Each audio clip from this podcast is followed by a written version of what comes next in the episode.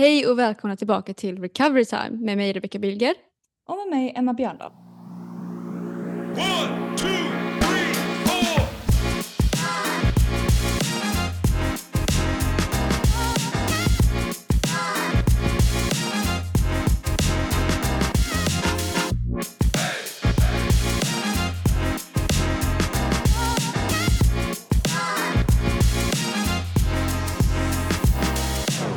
Härligt. Efter en liten jullovsbreak, eller hur? Alltså verkligen. Och jag kände att den var lite behövlig faktiskt. Ja, faktiskt. Vi satt ju faktiskt bara så här, ska vi spela in ett stressavsnitt? Eller ska vi Mm. bara ha lite jullov?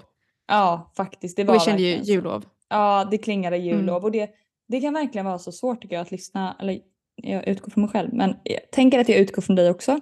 Som är en liten jobbaholic. Att det är så lätt att bara så här. Nej men vi gör det, vi dricker in det. Men så bara så. Men herregud, det är jul. Vem lyssnar ens på en podd? Tänkte jag säga. Det kanske man gör. Men jag har inte gjort det. jag har checkat ut. Instämmer helt och hållet. Och idag ska vi ta och prata om en fråga vi haft de senaste dagarna. Verkligen. Och jag tänker så här Rebecka, att jag läser den. För att den här frågan, eller den här ja, beskrivningen, den är flera av er som egentligen frågar. Men jag tyckte att just den här delen, eh, hon beskrev det så himla tydligt. Och det är ju verkligen ett eh, problem eh, för Mm. många där ute. Och jag själv och likt dig tampades jättemycket med de här tankarna. Så jag tänker att jag läser upp för att det ska bli mer liksom, tydligt för dig som lyssnar också. Den här frågan egentligen rör ju egentligen en, en tjej som skrev till mig om att hon var väldigt förvirrad enkelt beskrivet eh, kring det här med att lyssna på sin mentala hunger som du och jag pratar om och som vi också har pratat jättemycket om nu. Ja, men till exempel den, eh, det retreatet jag och Hilda har bland annat. Alltså vi pratar på det på flera ställen nu, vikten av att också lyssna på den mentala hungern. Men jag vet att vissa delar i vården inte lyfter den här aspekten lika mycket som vi kanske trycker på, vilket från mitt perspektiv och ditt perspektiv, så får rätta mig om jag har fel, blir väldigt problematiskt. Ehm, För Mm. det är en jätteviktig aspekt som är skitviktigt rent ut sagt att lyfta.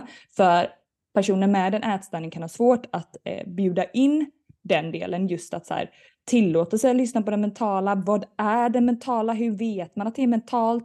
Hur vet man att det inte kommer Mm. spåra? Och alla de här rädslorna som kan uppkomma.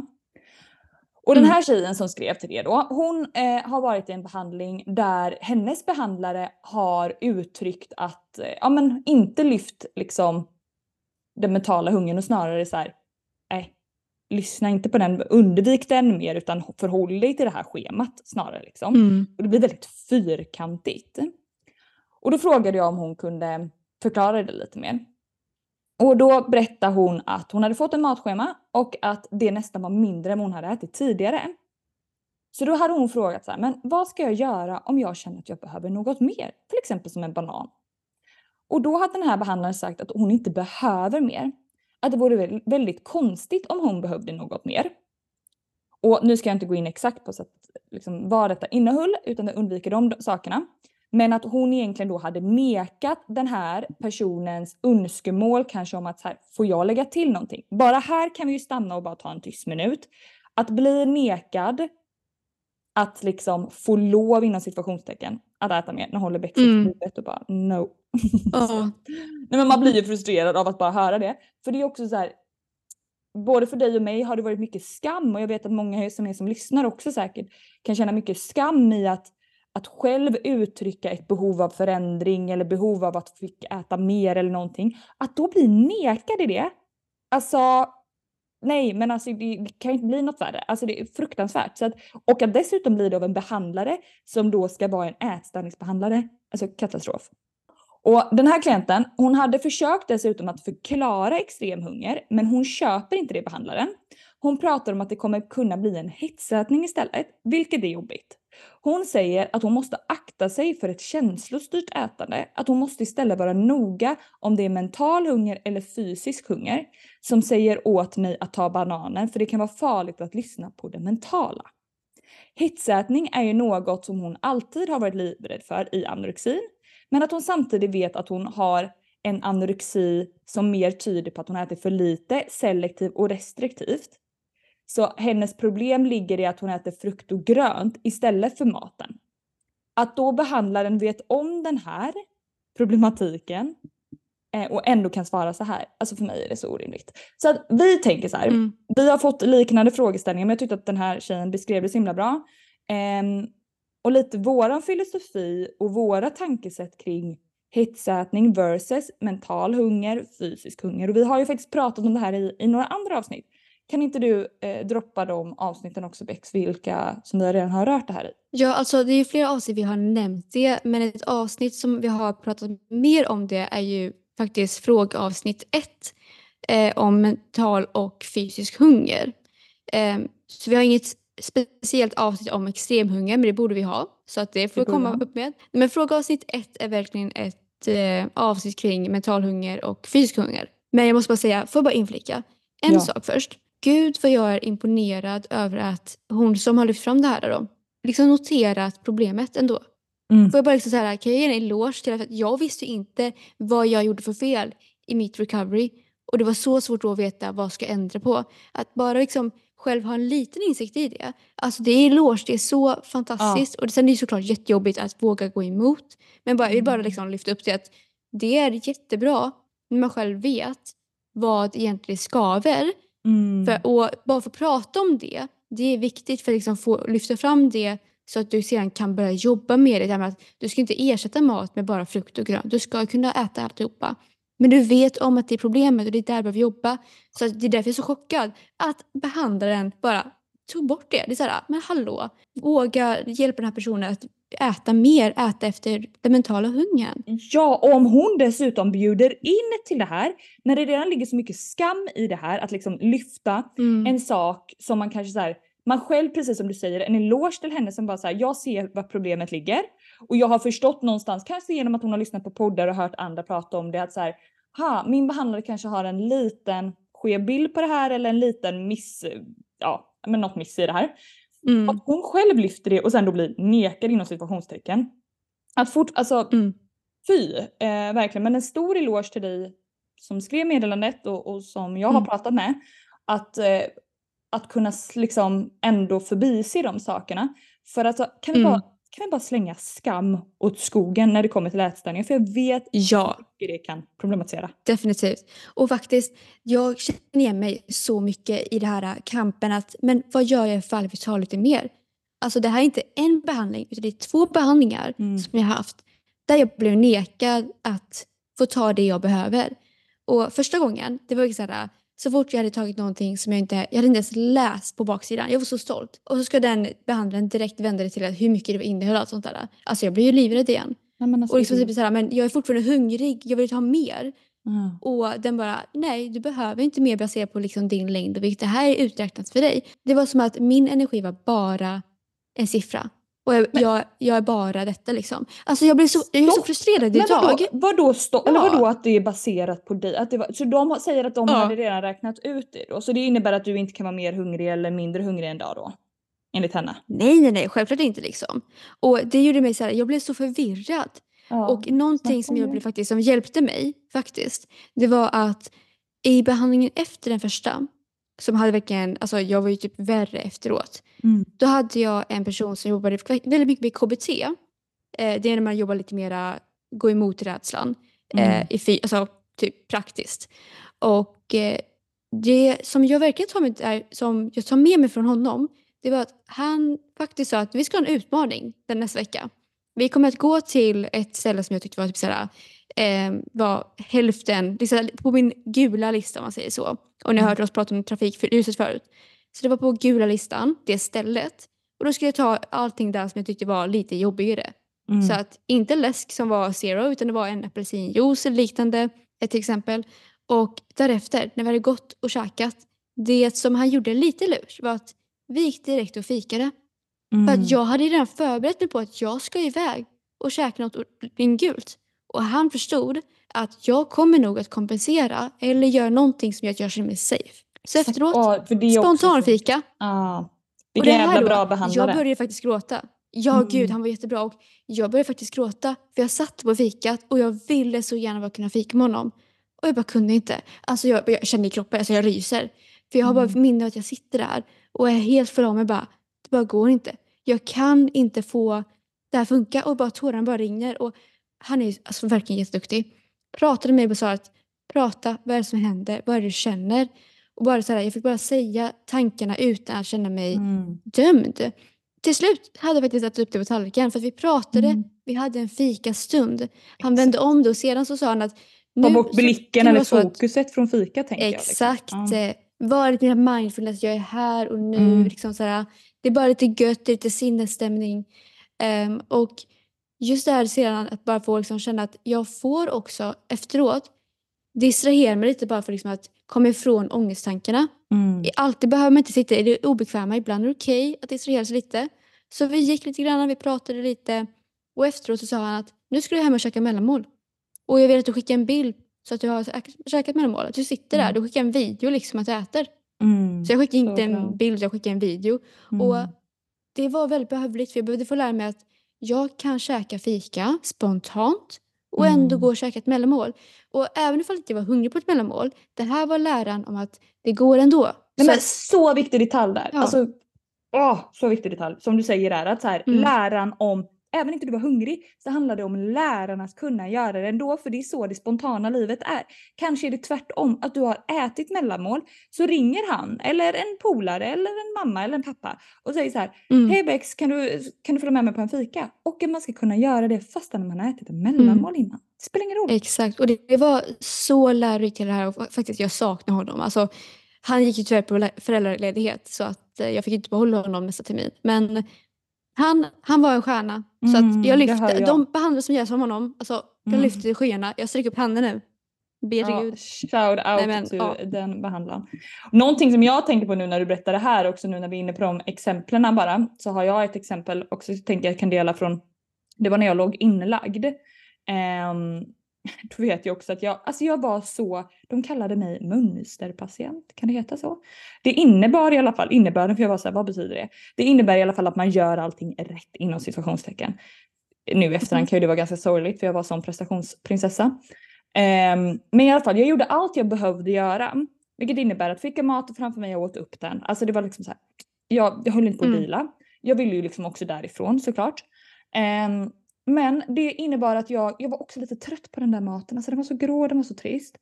Eh, och jag Mm. hade, alltså så här, det är helt sjukt att jag typ varit beroende av jordnötssmör sedan 15 år tillbaka. Och är fortfarande idag.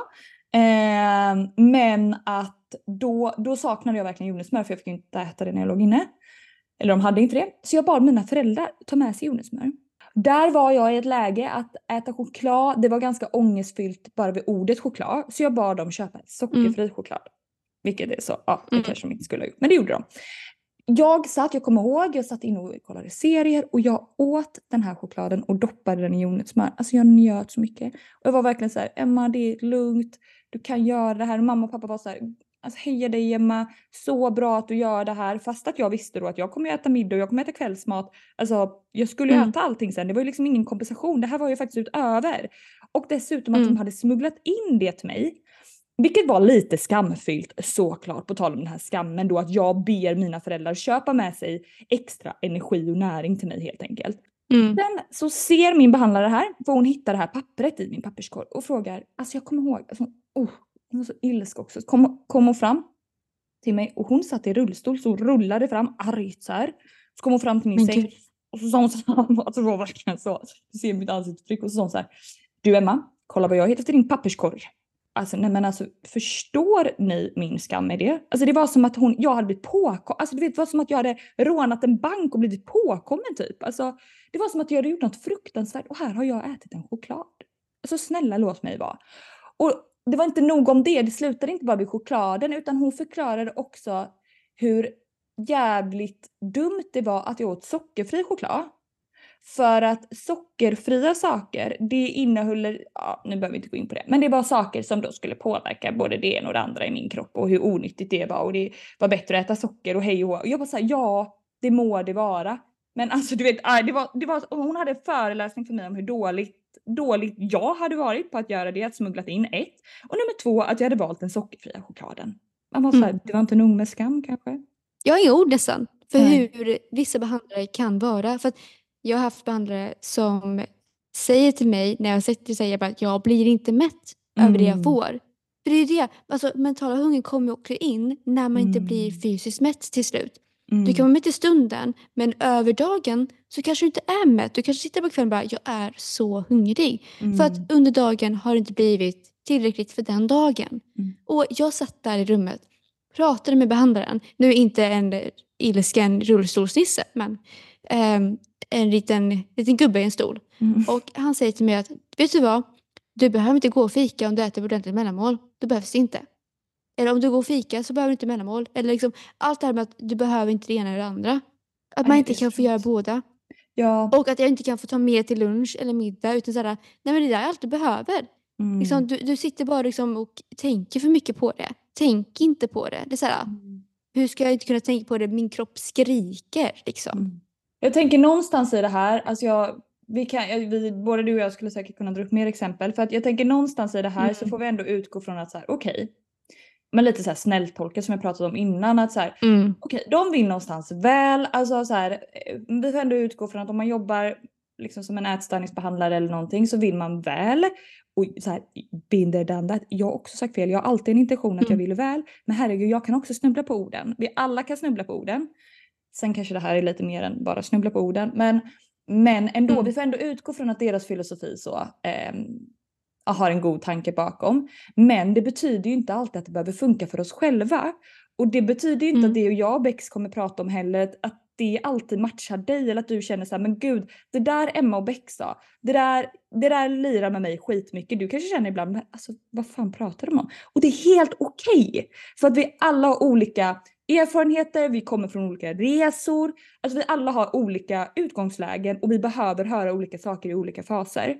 Men Mm. idag så tänker vi ändå att vi ska gå igenom lite mer så här vad våran definition är. Så här, vad, vad är mental hunger? Vad är hetsätning? Vad är skillnaden på det? Och också Mm. att vi delar våra steg till dig som faktiskt vill lära sig att ta första steget in i mindful eating eller vad vi än må vill kalla det liksom under en läkningsprocess. Verkligen. Så Emma, jag vill faktiskt fråga dig den första frågan då. För vi behöver lite information innan vi går in på våra steg. Och vad är då extrem hunger? Kan du definiera det lite?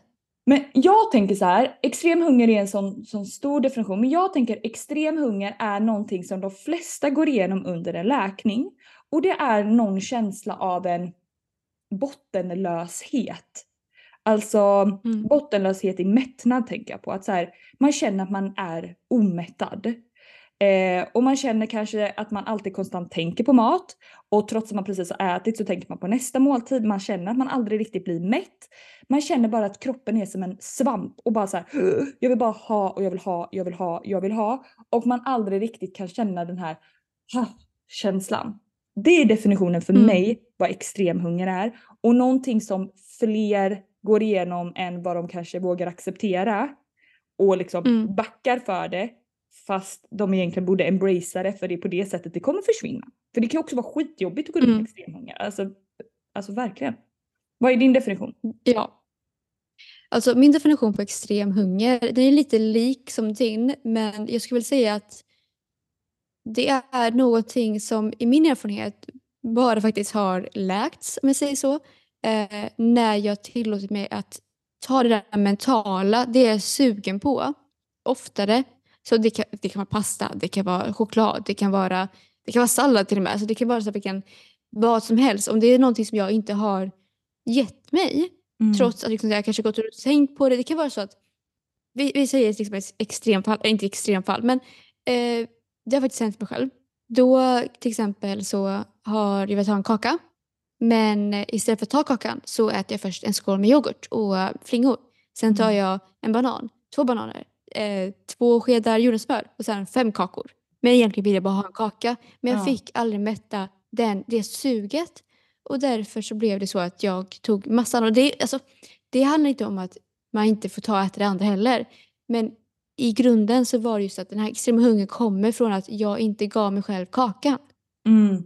Det är min definition. Att det är där det grundar sig. Och att man ligger någonstans i ett underskott för att det är ju lite som vi, Mm. alltså så här, extrem hunger kommer ju också från att vi har legat på ett underskott under en för lång period. Både mentalt och fysiskt. Alltså att du inte har tillgodosett dina liksom sug eller behov eller vad det än må kan vara. Vilket leder till en extrem hunger. Ehm, så att någonstans behöver man ju tillgodose detta över tid också. Och det Mm. du beskriver nu lite Bex där med menar att man kanske behöver ta en, två bananer, jordnötssmör, fler kakor och så kan man hålla på sig. Så jag kunde hålla på sig en hel kväll typ. Vilket då kunde leda till en känsla av mycket skam. Ett. Men Mm. nummer två, också en känsla av att jag har tappat det. Jag hetsäter. Så vad är då egentligen skillnaden på extremhunger och hetsätning? Vad skulle du säga? Skillnaden på extremhunger och hetsätning skulle jag säga är att hetsätning är någonting som sker när du medvetet har varit restriktiv hela dagen och sen hamnar på kvällen där du typ tämmer verkligen hela kylen, det är hela skåpet, det är hela burken med granola. Medan extremhunger, det kan verkligen gå, det, det är i mindre skala ändå. Men jag kommer också från något att jag aldrig haft hetsätning, för det, det är därför jag har lite svårt att definiera också. Jag har aldrig haft hetsätning. Men jag har haft extremhunger. Och jag har tömt. Alltså jag har tittat i granolaburken och ätit alla nötter. Mm. Men det är inte hetsätning. Det är liksom, jag har inte haft att jag har haft hetsätning och sedan gjort kompensationer efteråt. Utan jag har mättat mig själv. Och sen kan jag ha känt skuld och skam. Men jag har inte Mm. kompenserat för det. Liksom. Nej, viktig detalj du tar upp också. Eller så för att jag, jag har, trodde länge att jag hetsåt. Men nu i efterhand kan jag Mm. säga att jag hetsåt ju inte alls. Jag hade ju bara extremhunger, precis som du säger. För att eh, du kan ju vid en extremhunger äta ganska stora mängder mat ändå. Um, utan att det ska definieras som en hetsätning. För skillnaden enligt mig är att hetsätning sker, kan ske väldigt planerande också. Alltså så här, nu åker Bex bort och jag har två timmar hemma. Jag åker till ICA, sen åker jag Mm. till Coop och sen åker jag till pizzerian. Alltså det blir så här, jag planerar för min hetsätning för att ibland kompensera för det och ibland inte kompensera för det. Det, det är olika Mm. ut beroende på hur den kan se ut. Ehm, men att det någonstans blir en hetsätning eller en överätning. Vilket många gånger är väldigt kopplat till en känsla och ofta en känsla av brådskande. Liksom att man, en så här tvångsmässig önskan om att man behöver äta väldigt stora mängder under en väldigt, väldigt kort tid.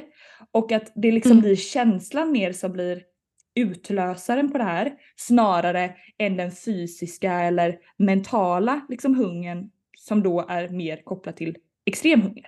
Jag, jag har faktiskt precis, precis i början av när jag började bli sjuk, för jag kom på det nu faktiskt. Då hade jag att mina känslor, hur jag distraherade mig själv och hur jag liksom på något sätt tystade den känslan.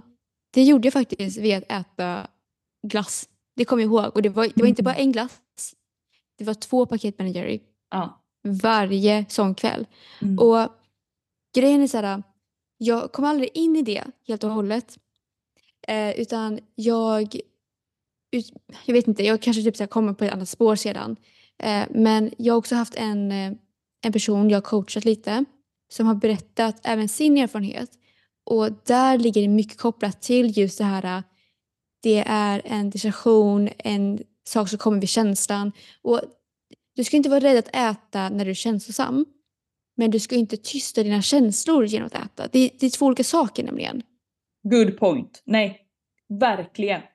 Verkligen, för man kan ju äta utifrån ett, ett liksom, en sinnesstämning. Eller till, typ såhär, Mm. man går på bio. Alltså så här, eh, du blir bjuden på en fika. Alltså ett socialt sammanhang. Men att äta baserat på sina känslor för att döva någonting eller att det har hänt någonting eller att man känner att man så måste göra. Och det kan ju, Mm. alltså det är ju snarare mer kopplat till hetsätning för precis som du säger, alltså jag som jag sagt innan, alltså den här kroppen är made på Ben Jerrys. Alltså, ehm, och, och det kunde jag ju många gånger se som hetsätning för då kunde jag äta kvällsmat och sen äta en Ben Jerry. För mig då, Mm. när jag googlade så kunde definitionen av hetsätning komma upp. Men det var ju inte så att jag satt och slevade den Ben Jerryn på fem minuter, krängde den, sprang till mackorna, sprang till nästa Ben Jerry, utan jag åt ändå medvetet Men kände Mm. in liksom att här, jag är sugen, jag är fortfarande hungrig, jag vill ha mer. Men jag gjorde ändå medvetet och det är någonstans skillnaden på extrem hunger och hetsätning. Och att då som om vi backar till det där där jag läste upp i början att så här, den behandlaren då hade sagt att att lyssna någonstans till extrem hunger kan leda till hetsätning. Absolut inte om du lyssnar till extrem hunger. För att din Mm. kropp kommer säga stopp. Tack Emma, tack Bex. Men vet du vad? Nu räcker det. Jag behöver inte två Ben Jerrys. Jag behöver inte Ben Jerry och fem mackor på kvällen efter kvällsmat. För jag är nöjd. Jag är belåten, jag känner Mm. mig tillfredsställd. Det här bankkortet, eller bankkontot vi har pratat om tidigare. Vi har kommit upp till det. Bankkortet är nöjd. Det är tryggt. Det har inte panik om det nästa Mm. månad inte har några pengar. Det har inte panik om ni inte kan eh, betala räkningarna om två månader. För det vet att det har en stabil inkomst som kommer och om den ropar efter lite pengar, då har det ett flöde. Det vill säga om den Mm. ropar efter en Ben Jerry, då får den sin Ben Jerry. Din kropp strävar alltid, alltid, alltid efter att komma i homeostas. Det vill säga i en balans fysiskt. Mm. Alltid. Definitivt. Definitivt. Och jag tänker att vi har ju flera tips och hur man liksom lär sig ja, läka extrem hunger, hur det kan gå till, hur det kan se ut. Men jag tänker att vi ska också komma in på de här tre stegen för att komma in lite mer i mindful eating till dig som är recover här nu. Så jag tänker att vi spelar in på det för att spara lite flera tips och knep kring just extrem hunger i nästa avsnitt, inte nästa men i ett kommande avsnitt. För jag tror att det finns mycket mer att säga till detta ämne. Men vi Mm. sparar det så vi hinner med allting. Ja men verkligen. Det, vi satt och klurade lite där innan avsnittet att så här okej. våra tre steg, alltså så här och hur ska vi dra ner till tre steg? Men, men för dig som lyssnar nu då och känner att så här, du är i en läkning och känner att nej, men alltså jag vill lära mig och jag vill verkligen bjuda in mer mindful eating och jag vill våga lyssna på min extrem hunger om det är det. Jag vill särskilja på hetsätning och extrem hunger. Eh, du vill kanske omfamna extrema hunger för att återigen enda sättet för att bli av med extrem hunger det är att omfamna den och inte kämpa emot den. Been there, done that. Funkar inte, lovar. Mm. Så hur kan vi göra då för att, att bemöta det? Vad skulle du säga som är första steget, eh, Bexi? Men jag skulle säga att första steget ändå är att eh, inte kolla dig blind på kostschemat. Alltså följ det, du ska inte gå bort från det. Men bara ät, våga äta ut över kostschemat och kanske liksom kolla inte in menyer. Liksom ät bara när du ska äta. Alltså, eh, inte så, utan nu säger jag fel. Det jag menar är att om du ska äta lunch, kolla inte vad du äter till lunch. Ät, kolla det när du ska äta lunch. Det vill säga inte planera, det är det du menar? Liksom, att inte planera Exakt, liksom, ja. Det här planerandet. Och våga, jag tycker det är jätteviktigt som du säger, att våga äta utöver kostschemat. För många gånger när man tänker att så här, men jag släpper kostschemat, ska börja äta lite mer free, free, fritt, lite mer fritt, så är det så lätt att man inte, att man hellre hamnar under än över. Det är inte det du ska lära dig. Du ska lära dig, alla personer i en läkning behöver lära sig Mm. att våga äta utöver. Och det är verkligen steg ett. Men Emma, vad är då steg två när man väl lärt sig det här att liksom äta utöver kostschemat? Steg två skulle jag säga är att verkligen våga ta mer, men utan att resten av kommande måltider ska påverkas. För att någonting som jag vet att jag själv strugglar med och som jag vet att många säkert som lyssnar strugglar med är att så här, ja, fine. Jag kan ta, precis som du nämnde med fikan förut och att din behandlare då drog in på en spontan fika och sen mellis. Att så här, det är ju det det Mm. handlar om. För att om du tar mer på middag, ja skitbra. Men om du ändå ska reglera det på kvällsfikat, men då spelar det ju ingen jävla roll rent ut sagt. Utan det handlar ju verkligen om att du ska kunna fylla på utan att förändra något kommande eller resterande måltider. Mm, exakt. För att i steg tre så vill vi komma till här sinnesstämningen att men jag ska på bio, jag tar en popcorn. Mm. Betyder inte att du inte kan ta ett popcorn till när du är, på, när du är hemma sedan. Eller att du inte kan ta fika eller mellanmål eller liksom jada jada. Att komma och äta i en sinnesstämning eller en situation. Det är fika med farmor eller det är movie night med popcorn. Det kanske är julbord, det kanske Mm. är eh, bara en god trerättersmiddag hemma eller bara en helt enkelt god romantisk middag med din eh, tjej eller kille. Mm. Vad som helst. Att äta i sinnesstämning och också bara kunna njuta av att det här är gött, det här är nice, jag tar lite mer, det är lite mood, det är lite vibe. Alltså jag Mm. lever ju för viben liksom. Mhm, I know. en jätteviktig del i steg tre tänker jag också att så här, våga släppa lite på perfektionismen. Liksom att så här, allting behöver Mm. inte vara 10 av 10 hela tiden. Och så här, men ska jag äta popcorn då ska jag vara 100% sugen på popcorn. Vet du vad? Du behöver inte vara 100% sugen på någonting. Du behöver inte vara 100% hungrig för att äta middagen. Utan ibland så blir middagen serverad lite tidigare och ibland blir den serverad lite senare om du blir serverad middag. Ibland så passar det bättre att laga middagen lite tidigare än vad man hade tänkt och ibland lite senare. Det är så livet är och du någonstans behöver göra dig rustad för vad som komma skall i livet också. Vilket innebär till stor del att ibland får vi en kaka serverad när man hellre hade velat haft en bulle. Men nu var det en kaka och den sociala situationen kräver att vi äter den. Sen är det med det sagt också, men det ska vi inte gå in på nu, är jätteokej att kunna säga nej till en kaka också för vi ska inte alltid behöva göra saker bara för att, för att man ska bevisa saker. För det gjorde jag jätteofta för att jag skulle motbevisa och det är skitjobbigt. Men någonstans i steg ett på det så behöver vi bevisa för oss själva att det går. Och då behöver vi ta bort Exakt. perfektionismen liksom, i det att så här, Mm. det, är, det är friskt att äta även om du inte är 100% sugen eller 100% hungrig. Och jag har faktiskt en påminnelse att bara flika in här, just i detta. Att vi lyssnar så mycket lättare på att vara mätta än att på att vi faktiskt är hungriga och våga ta mer. Så i Verkligen. början här, steg ett är att våga ta mer. När du är med i slutet av recovery, då kan vi komma in mer på det här, jag är mätt, jag kan spara vidare. Eller liksom så här, men jag är mätt så jag kan avsluta nu. Det kommer mycket senare, för det tar tid.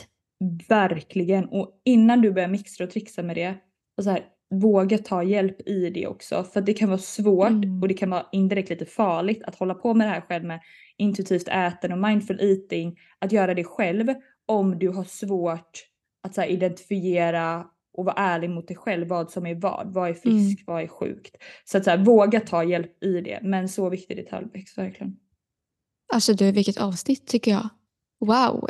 Så Verkligen. Vilka viktiga delar att lyfta. Tack för dig som skrev det här. Verkligen. Alltså jag själv bara känner att jag önskar jag hade fått höra det här när jag var yngre.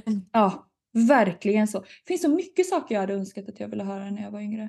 Vi kanske borde ha som en liten serie typ såhär, till dig som känner liknande. Vad tror du Ja. om det? Faktiskt, vad tror ni om det, så här- ni som lyssnar? Vad tror ni? Mm. Ja, det hade verkligen varit någonting, tänker jag. Verkligen så här, det här med saker som man själv hade velat höra och lära sig. Jag tror ju svin mycket på kunskap, det trycker jag jätte på när jag jobbar med mina Mm. klienter. Att här, det handlar så mycket om att kunskap, alltså man, man kan säga att så här, extrem hunger är, eh, är vanligt, punkt. Eller så, eller så förklarar man varför och vad det är som sker, vad skillnaden är, så man också fattar. Mm. För vi behöver ju också fatta när vi ska göra en förändring. Eller det blir i alla fall betydligt lättare att göra en förändring om vi fattar de bakomliggande orsakerna. Det hade jag önskat generellt mer av min läkning. Att så här, kunskap, ge mig det tack. Men verkligen. Så att eh, jag är väldigt taggad på detta nya år som kommer. Fler Mm. poddavsnitt och massa kul härligheter. Jag med. Jag är verkligen taggad på, på det nya året. Nu kommer jag på också, jag har ju precis gått ut med att jag ska bli mamma. Uh. Ja, alltså, alltså Åh, nej, men åh. alltså snälla rara, hur Ja. gulligt. Nej, alltså gud jag är så taggad. Så jag är verkligen taggad på 2024, herregud. Mm. Ja, Kanoners år blir det. Mm, det blir det verkligen. Och till dig som lyssnar återigen, eh, har du några tankar eller funderingar så skriv till oss eh, och vi är i vanlig ordning jättetacksamma för all feedback och så vi får. Så fortsätt ge det och så hoppas vi att du med det här avsnittet kunde känna att du fick med dig lite verktyg och kunskap framför allt. Och är du inte med i Mm. vår Facebookgrupp, eh, hint om du inte är det, det kommer mer saker där. Så eh, om du inte är med Mm. där så får du gå med i vår Facebookgrupp. Du kanske kan länka den under Beck så kan man bara trycka på länken. Jajamensan. Så om ni inte har fattat det så är ju växten eh, ekonomiska tänkte jag säga, den tekniska i den här relationen. Ekonomiska är inte, den kan jag stå för, men den tekniska. den ekonomiska det står. Filip för om vi ska vara helt ärliga. Ja, Kungen. för oss bägge. Eh, nej men så, gör det om du inte har gjort det och så ses och hörs vi i nästa avsnitt. gör vi. Puss och kram. Puss och kram!